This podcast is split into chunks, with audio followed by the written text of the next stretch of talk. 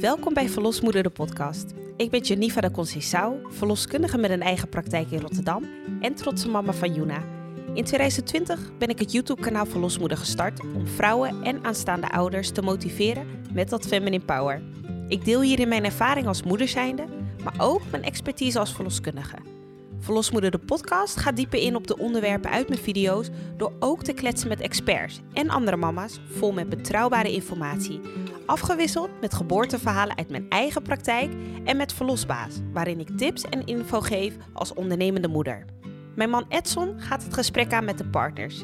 Diegenen die de zwangere bijstaan in de vader takeovers. Met mijn platform wil ik jou helpen, empoweren en je ouderschap een stukje makkelijker maken.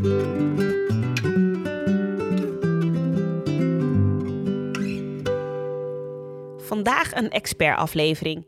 Hierin nodig ik experts uit om jou te introduceren met hun baan, wat hun rol is bij de aanstaande ouders en delen zij hun gouden tips.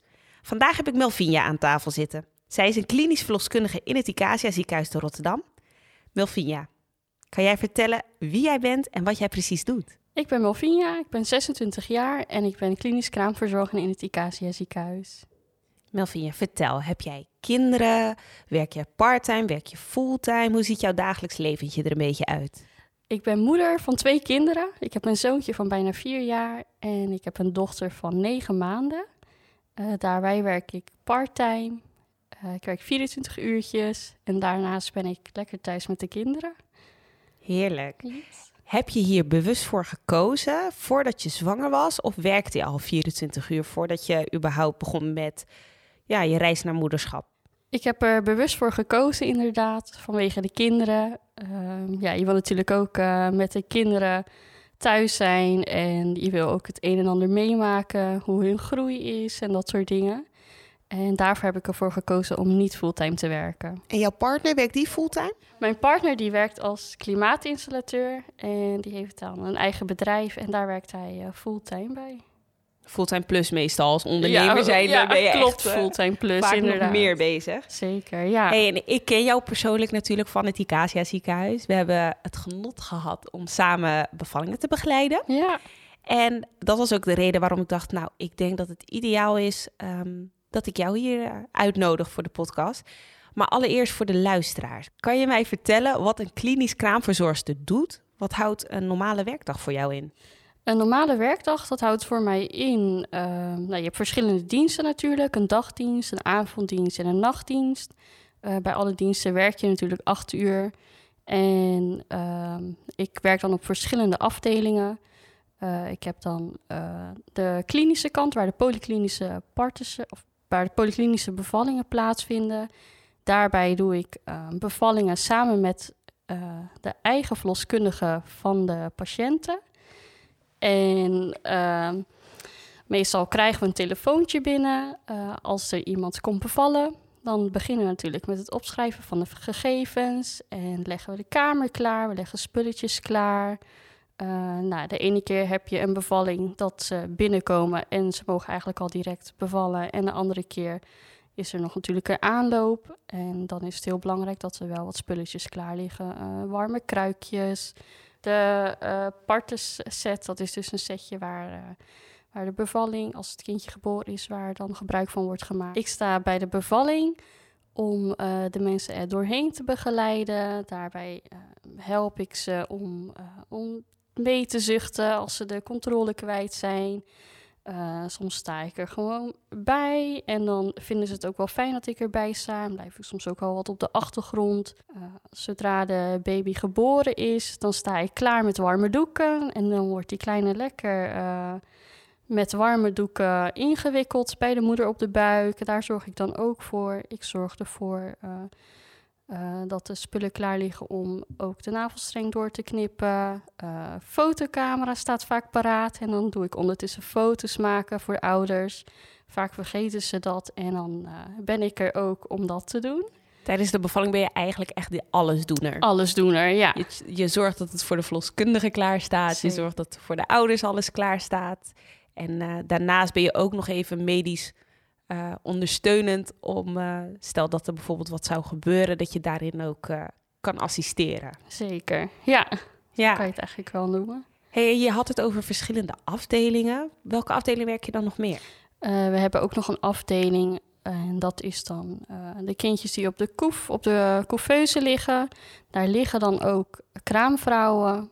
Um, ze blijven natuurlijk ook wel onder begeleiding van een kraamverzorgende. En daar zijn wij dan voor. We zorgen ervoor dat de controles worden gedaan, dat ze schone bedden krijgen, um, hulp bij het aanleggen, uh, bij, het, bij het geven van borstvoeding. En natuurlijk ook kunstvoeding voor de ouders die dat geven. En daarin ondersteunen wij ze, geven we ze tips uh, die ze nodig hebben. En daar staan we dan uh, samen met de kinderverpleegkundigen. En de kinderverpleegkundigen die zorgen dan uh, voor de baby's die daar op de couveuse liggen. hey, en wat vind je nou echt het allerleukste aan jouw baan? Uh, het allerleukste vind ik natuurlijk ja, het begeleiden van, van de aanstaande ouders. Dat ik ze er doorheen kan slepen als het nodig is. De tips die ik aan ze kan geven. En ze ja, gerust te stellen eigenlijk door de hele fase heen. Van het moment van weeën totdat, totdat ze eigenlijk ja, het ziekenhuis verlaten.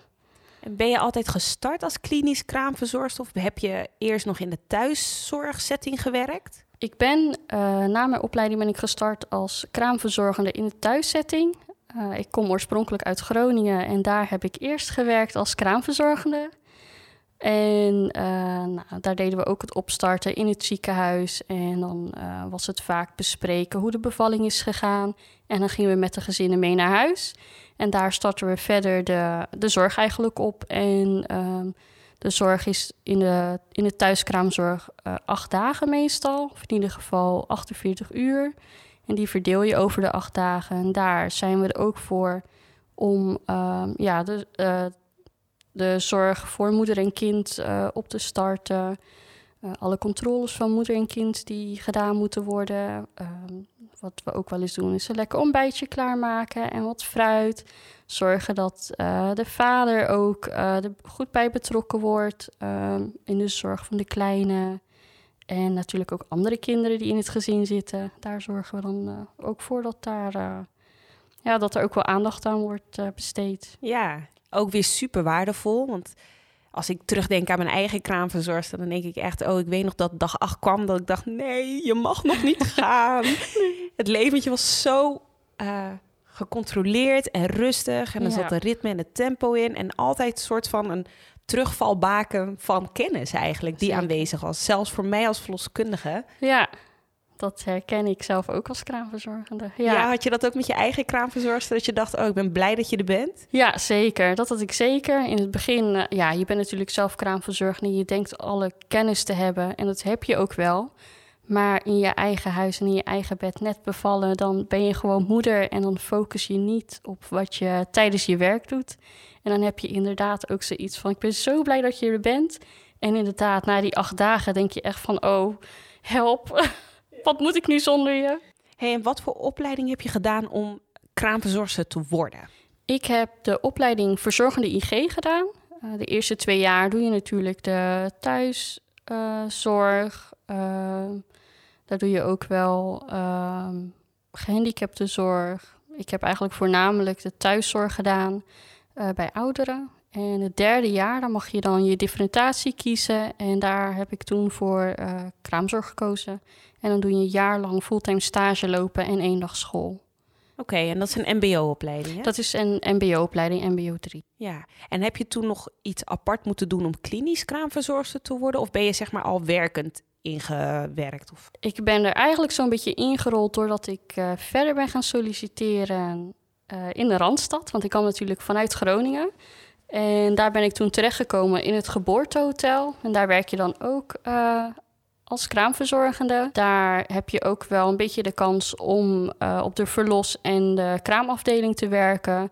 En dan werk je daar ook gewoon als kraamverzorgende. Alleen heb je natuurlijk net wat meer ervaring ook uh, erbij, omdat je ook bevallingen doet.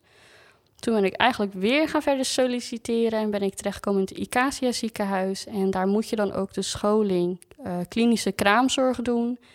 En dat doe je dan een jaar nadat je eigenlijk in dienst bent. En dat ben ik nu. Dus ik doe nu ook de, de scholing klinische kraamzorg Dat is eigenlijk acht uh, ja, lesdagen die je doet.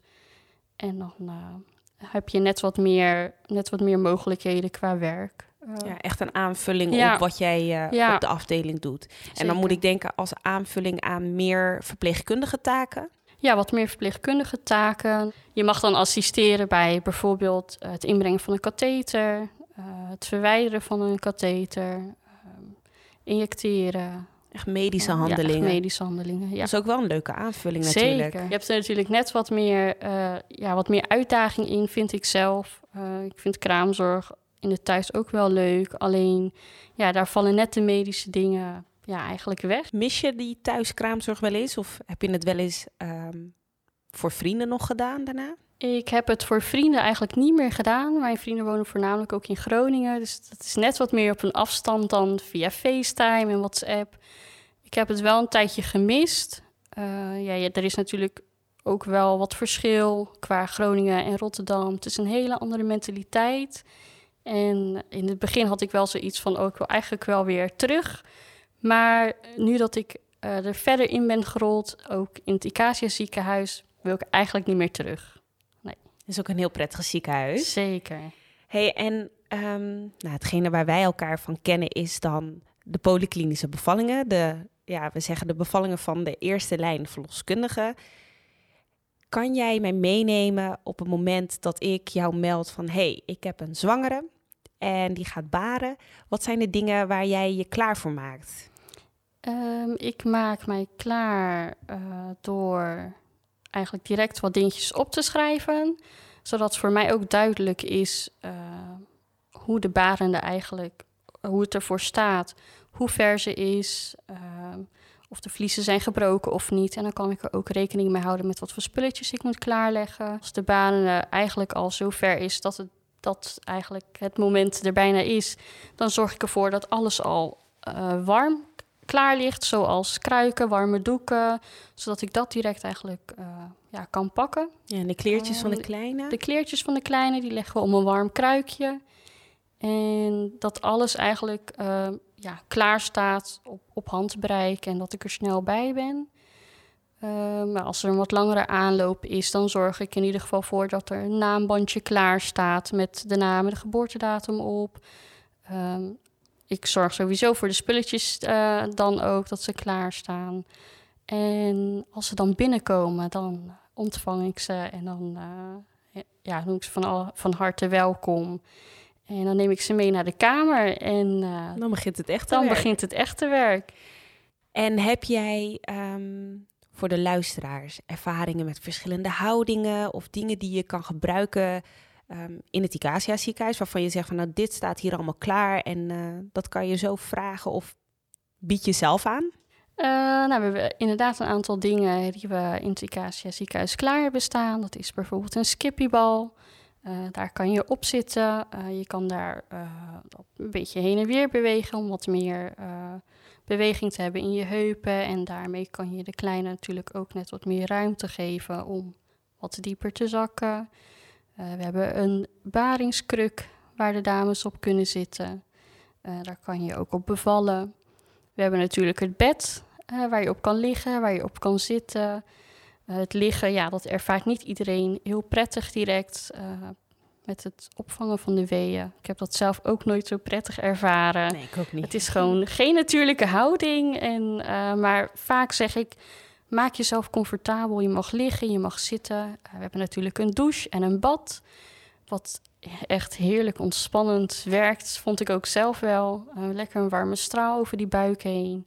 Dat werkt vaak ook wel lekker ontspannen. En dat kan er ook wel voor zorgen dat die, dat die ontsluiting net wat, ja, wat soepeler gaat. Heb je nog tips voor vrouwen die zo'n kraam of bevalsuite krijgen waarvan je zegt van nou, als je dit doet, dan maak je het wel echt eigen? Uh, sommigen vinden het vaak fijn om, wat, uh, om het wat donker in de kamer te hebben. Een beetje, uh, ja, het licht gedimd.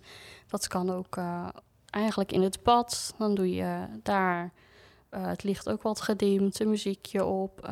je partner bij je, of in ieder geval naast je, dat hij wat kan masseren in je rug. Um, ja, dat vinden de meesten eigenlijk wel fijn. En ik weet uh, bij de bevalling dat mijn rol ook heel vaak is om continu mee te gaan met wat zo'n uh, ja, barende vrouw aan het doen is en daarin aanpassingen te maken. En ik weet nog heel goed bij de laatste bevalling waar wij samen waren, dat we een, best wel een uh, lange uitdrijving hadden. Ja. Dus de persfase die duurde wat langer. En dat het dan heel erg zoeken is naar, hey, lukt het op bed? Lukt het op een andere houding? Ja. En we zijn op een gegeven moment ook overgestapt op de baarkruk. Zijn dat dingen wat je vaker meemaakt? Dat je zegt van, oh, of dat je zelf adviezen geeft van, nee, misschien is het slim om even een andere houding uh, te doen.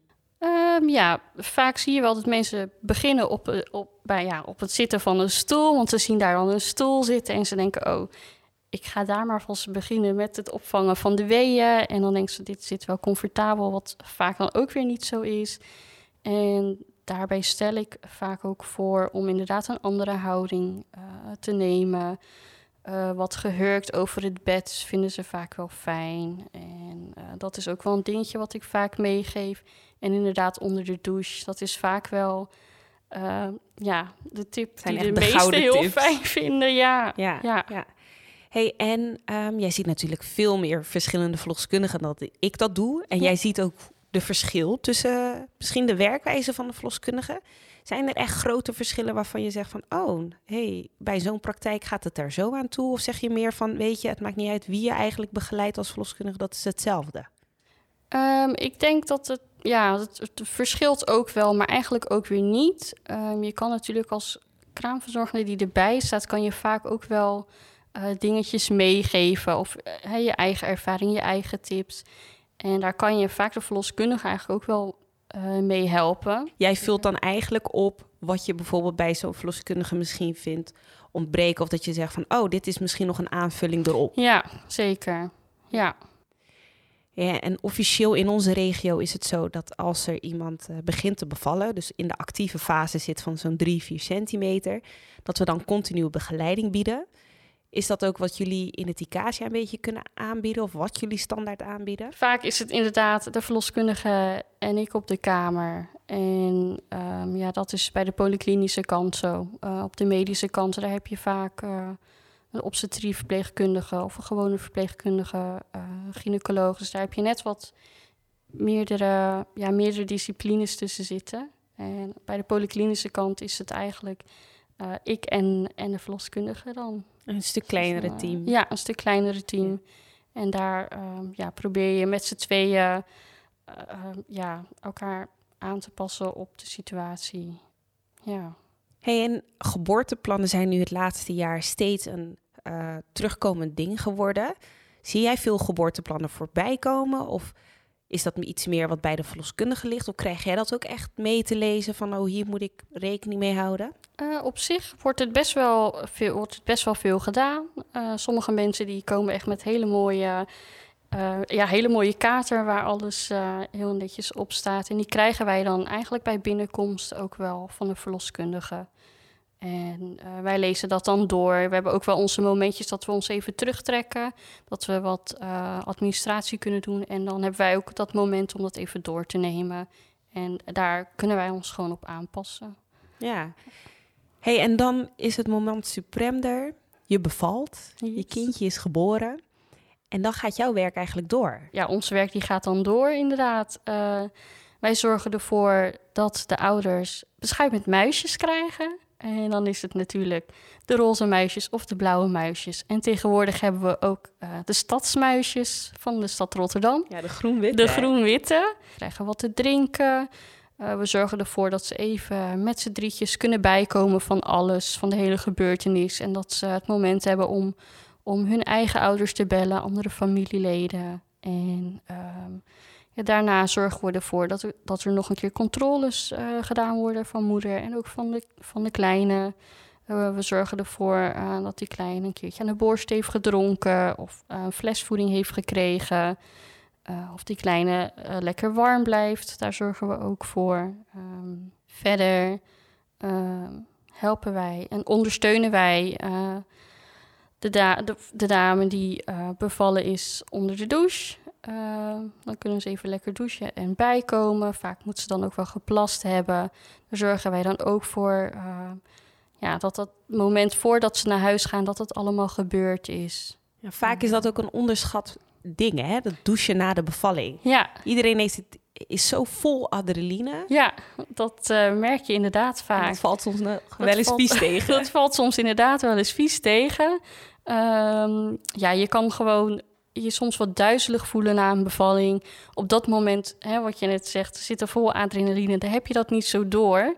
En dan willen ze soms wel eens zo uit bed stappen. En dan denken ze van, oh ja, ho, wacht eens even. Het begint een beetje duizelig te worden in mijn hoofd. En daar zorgen wij dan ook voor dat dat in rustige stappen wordt gedaan. En dat ze niet in één keer, huppakee, eh, uit bed stappen en zo onder de douche eh, willen gaan. Eh, wij zorgen er dan wel voor dat ze rustig uit bed stappen. Ehm, we vragen er ook naar, we- eh, voel je je niet duizelig of lichtjes in je hoofd? Heb je nog wat te eten of te drinken nodig? Ehm, ja, het naartoe lopen van, eh, van bed naar de douche valt soms ook wel eens tegen. Dat ze denken van, oh ja, het lijkt wel of ik een, een hele marathon gelopen heb. Wat je vaak ook wel zo kan vergelijken. Spierpijn. Spierpijn, een stuitje wat soms flink eh, beurs aanvoelt. En dat speelt natuurlijk ook allemaal mee. Als je ineens gaat staan en lopen, dan ga je dan net wat meer voelen dan hè, die twee uurtjes wat je na de bevalling even hebt gelegen. En ehm, ja, onder de douche dan laten we ze gewoon even lekker eh, tot zichzelf komen. Ja. Hey, en wat is ongeveer zo de tijd dat mensen verblijven na de bevalling, als het gewoon een normale bevalling is geweest? Als het een normale bevalling is geweest, eh, dan is dat vaak wel max vier uurtjes dat ze dan nog in het huis zijn. Eh, in die tussentijd hebben ze inderdaad gegeten, gevoed, gedoucht, eh, even lekker opgefrist. En ehm, meestal zijn ze binnen vier uur nadat de placenta is geboren, vertrekken ze wel. Kan je in die vier uurtjes een beetje verwachten qua voeding van zo'n kleine? Ehm, nadat, Het gaat om eh, borstvoeding. Als het gaat om borstvoeding, dan proberen we eigenlijk vrij snel, eh, of in ieder geval binnen het eerste uur, eh, de pasgeborene aan te leggen. Ehm, de, ja, het is de meest voedzaamste voeding. Dat is het eerste wat eruit komt en dat heet colostrum. Eh, ja, we zorgen er eigenlijk wel voor dat ze dat een beetje binnen hebben gekregen. En in, ieder geval een beetje de smaak te pakken hebben van... hé, hey, wat moet ik doen? Eh, het is natuurlijk niet zo dat die kleine eh, ja, in één keer hapt en als een tierenlier drinkt. Daar hebben ze soms nog wel hè, wat tijd voor nodig, wat hulp bij nodig. En dat wordt in ieder geval het eerste uur gedaan. En in principe is het daarna zo dat het een beetje op verzoek wordt gevoed, maar het liefst wel eh, binnen, de, binnen de drie uur. Dus niet langer dan drie uur wachten. Hey, en ik weet bij mij ehm, dat ik voor geen meter mijn dochter aan de borst kreeg. Dat, dat eerste uur, die eerste twee uur en uiteindelijk de eerste dag. Ja, En ik heb toen ehm, binnen dat uur lukte me dus niet om het aan te leggen, maar wel om met mijn hand wat colostrum eh, druppels op te vangen op een theelepeltje. Is dat ook iets wat je adviseert aan de dames van als het niet lukt met het aanleggen? Eh, Dat is zeker wat ik, wat ik iets adviseer. Ik heb het zelf namelijk bij mijn dochter ook gehad dat zij de eerste 24 uur niet wilde drinken. En vaak kan je met je hand heb je net wat meer kracht om er in ieder geval een druppeltje uit te krijgen. Dat kan je dan inderdaad opvangen op een theelepeltje en een beetje in een wangzak van die kleine te doen. Dan hebben ze in ieder geval iets van voeding binnen gehad. Ze hebben ook wel wat reserves, maar eh, ze moeten ook wel een beetje zelf de smaak eh, te pakken krijgen. Ehm, ja, in die 24 uur adviseer ik dat zeker om te doen. Daarmee eh, ehm, zorg je er ook wel weer voor dat je die borstvoeding in ieder geval iets op gang probeert te, brengen. En is het schadelijk dat die eerste 24 uur dus maar om een paar druppels gaat? Ehm, nee, het is zeker niet schadelijk als het gaat om die paar druppels. Het maagje is natuurlijk ook nog maar best wel klein, eh, zo klein ja, als een druifje. Ehm, ja, die hoeft natuurlijk ook niet gelijk een hele fles eh, naar binnen of eh, in ieder geval heel veel borstvoeding. Dat maagje die kan dat natuurlijk ook niet aan. Maar het is wel goed voor zo'n baby om in ieder geval een paar druppels binnen te hebben gehad. Ja, en als je kiest van, nou, ik eh, zie die borstvoeding eigenlijk helemaal niet zitten, ik wil met kunstvoeding starten. Hoe doen jullie dat dan in het ziekenhuis? Hebben jullie kunstvoeding daar of moet je je eigen kunstvoeding meenemen? Wij hebben kunstvoeding in huis en we hebben van die, eh, van die kleine flesjes. eh, ja, daar maken wij eigenlijk gebruik van. Er zijn ook ouders die, die ander soort voeding willen gebruiken of dat advies hebben gekregen van een kinderarts of bij eerdere kinderen.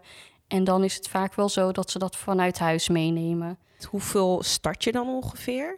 Je start uh, in principe met 10 cc. Dat hoeven ze natuurlijk niet helemaal op te drinken. Um, het is ook een beetje het, het beproeven van, van de voeding. En uh, naarmate de, de tijd zeg maar verder is, dan gaan ze ook wel wat meer drinken. Maar 10 cc is in principe in het begin, 5 tot 10 cc is prima. En dat is ongeacht hoe zwaar zo'n kind is? Uh, ja, in principe... Een kindje van drie of een kindje van vier kilo krijgt, uh, krijgt, krijgt, dat aangeboden? Krijgt dat echt wel 10 cc aangeboden, ja. En een wat kleiner kindje, die kan misschien net 5 cc aan. Die hoeft uh, in ieder geval niet ja, het hele 10 cc op te drinken. Uh, je hebt natuurlijk ook wel eens kindjes van 4 of 5 kilo. Uh, ja, die bieden we dan wel eens 15 cc aan, maar niet helemaal. Ja, die krijgen ze vaak niet helemaal op. Hey, en zijn er dingen waarvan jij zegt, nou, dit zijn toch wel echt tips die ik mee zou willen geven als je zo'n ziekenhuis binnenkomt rollen ten tijde van de bevalling? Um, ja, ik zou zeggen, uh, laat het vooral op je afkomen. Um, je, je, krijgt natuurlijk wel hè, dingetjes te horen van, uh, van familieleden, van vrienden of kennissen die natuurlijk ook wel een keer zijn bevallen. Iedere bevalling is anders en iedere bevalling ervaar je zelf ook heel anders. Uh, een eerste keer kan het heel anders zijn gegaan dan een tweede keer. Um, dus sta daar wel uh, open in. Ga niet uit van, van de horrorverhalen of de hele makkelijke verhalen. Um, ja, daarbij moet je voor jezelf ook in je achterhoofd hebben van... het kan bij mij heel anders verlopen. En uh, probeer dat in ieder geval ook mee te nemen in, in het proces waar je dan doorheen gaat. En als kerstverse moeder? Heb je daar nog mooie tips voor? Als kerstverse moeder uh, heb ik de tip... Uh, probeer niet alles gelijk goed te willen doen. je bent net moeder geworden en het is allemaal nog leren en je kindje leren kennen en je kindje moet jou leren kennen. Um, ja, daarbij moet je ook onthouden dat, dat alles soms niet zo gaat als dat het boekje gaat of wat jij in je hoofd hebt. Um, ja, ik zeg altijd, uh, je hoeft niet alles goed te kunnen doen direct. Nee, heel mooi gezegd.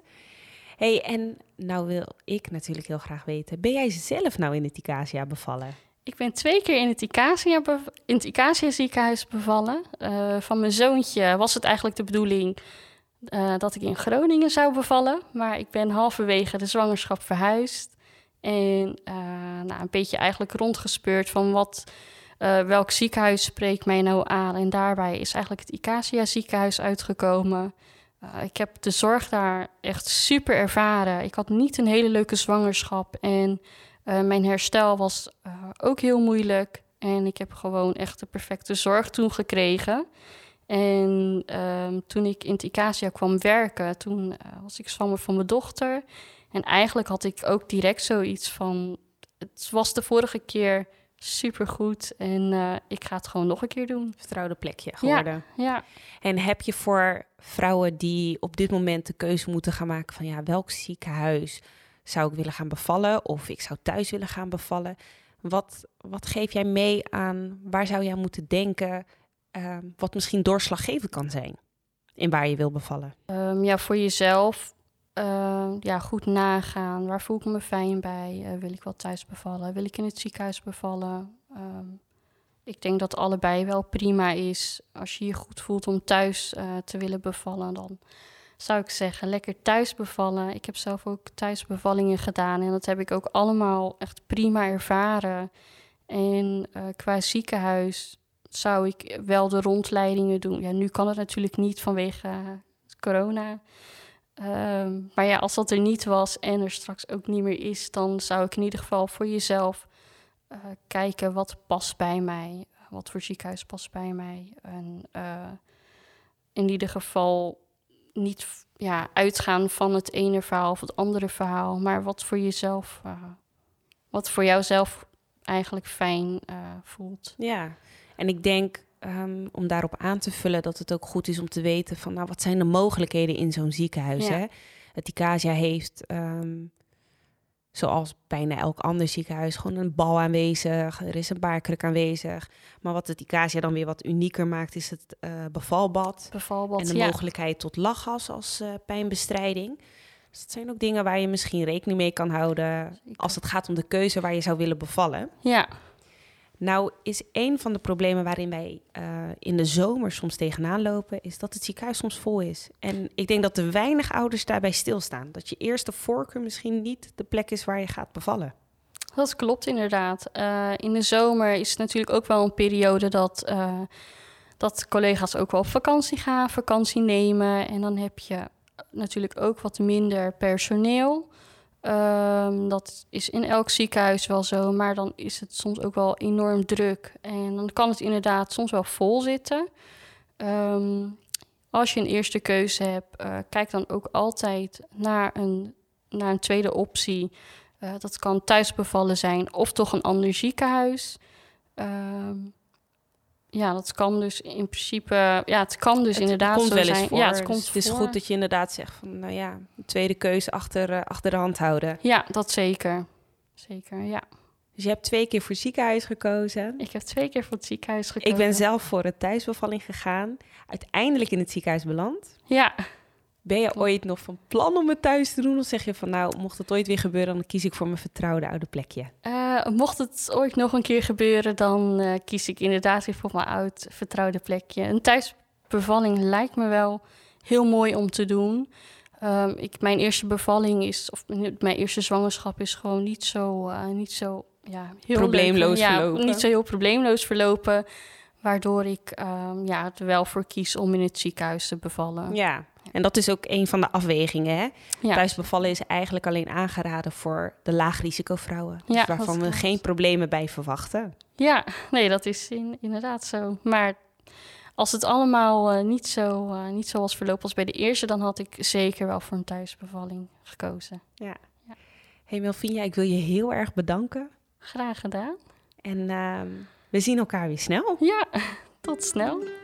Ik hoop dat je wat hebt gehad aan deze aflevering. Zorg dat je niks mist en abonneer op dit podcastkanaal. Vond je het een behulpzame aflevering? Laat dan even een review achter. Hier ondersteun je mij enorm mee. Hou ook mijn Instagram en YouTube in de gaten voor nog meer handige tips en info. En ik hoop dat je volgende week weer gezellig meeluistert met de volgende aflevering. Ciao!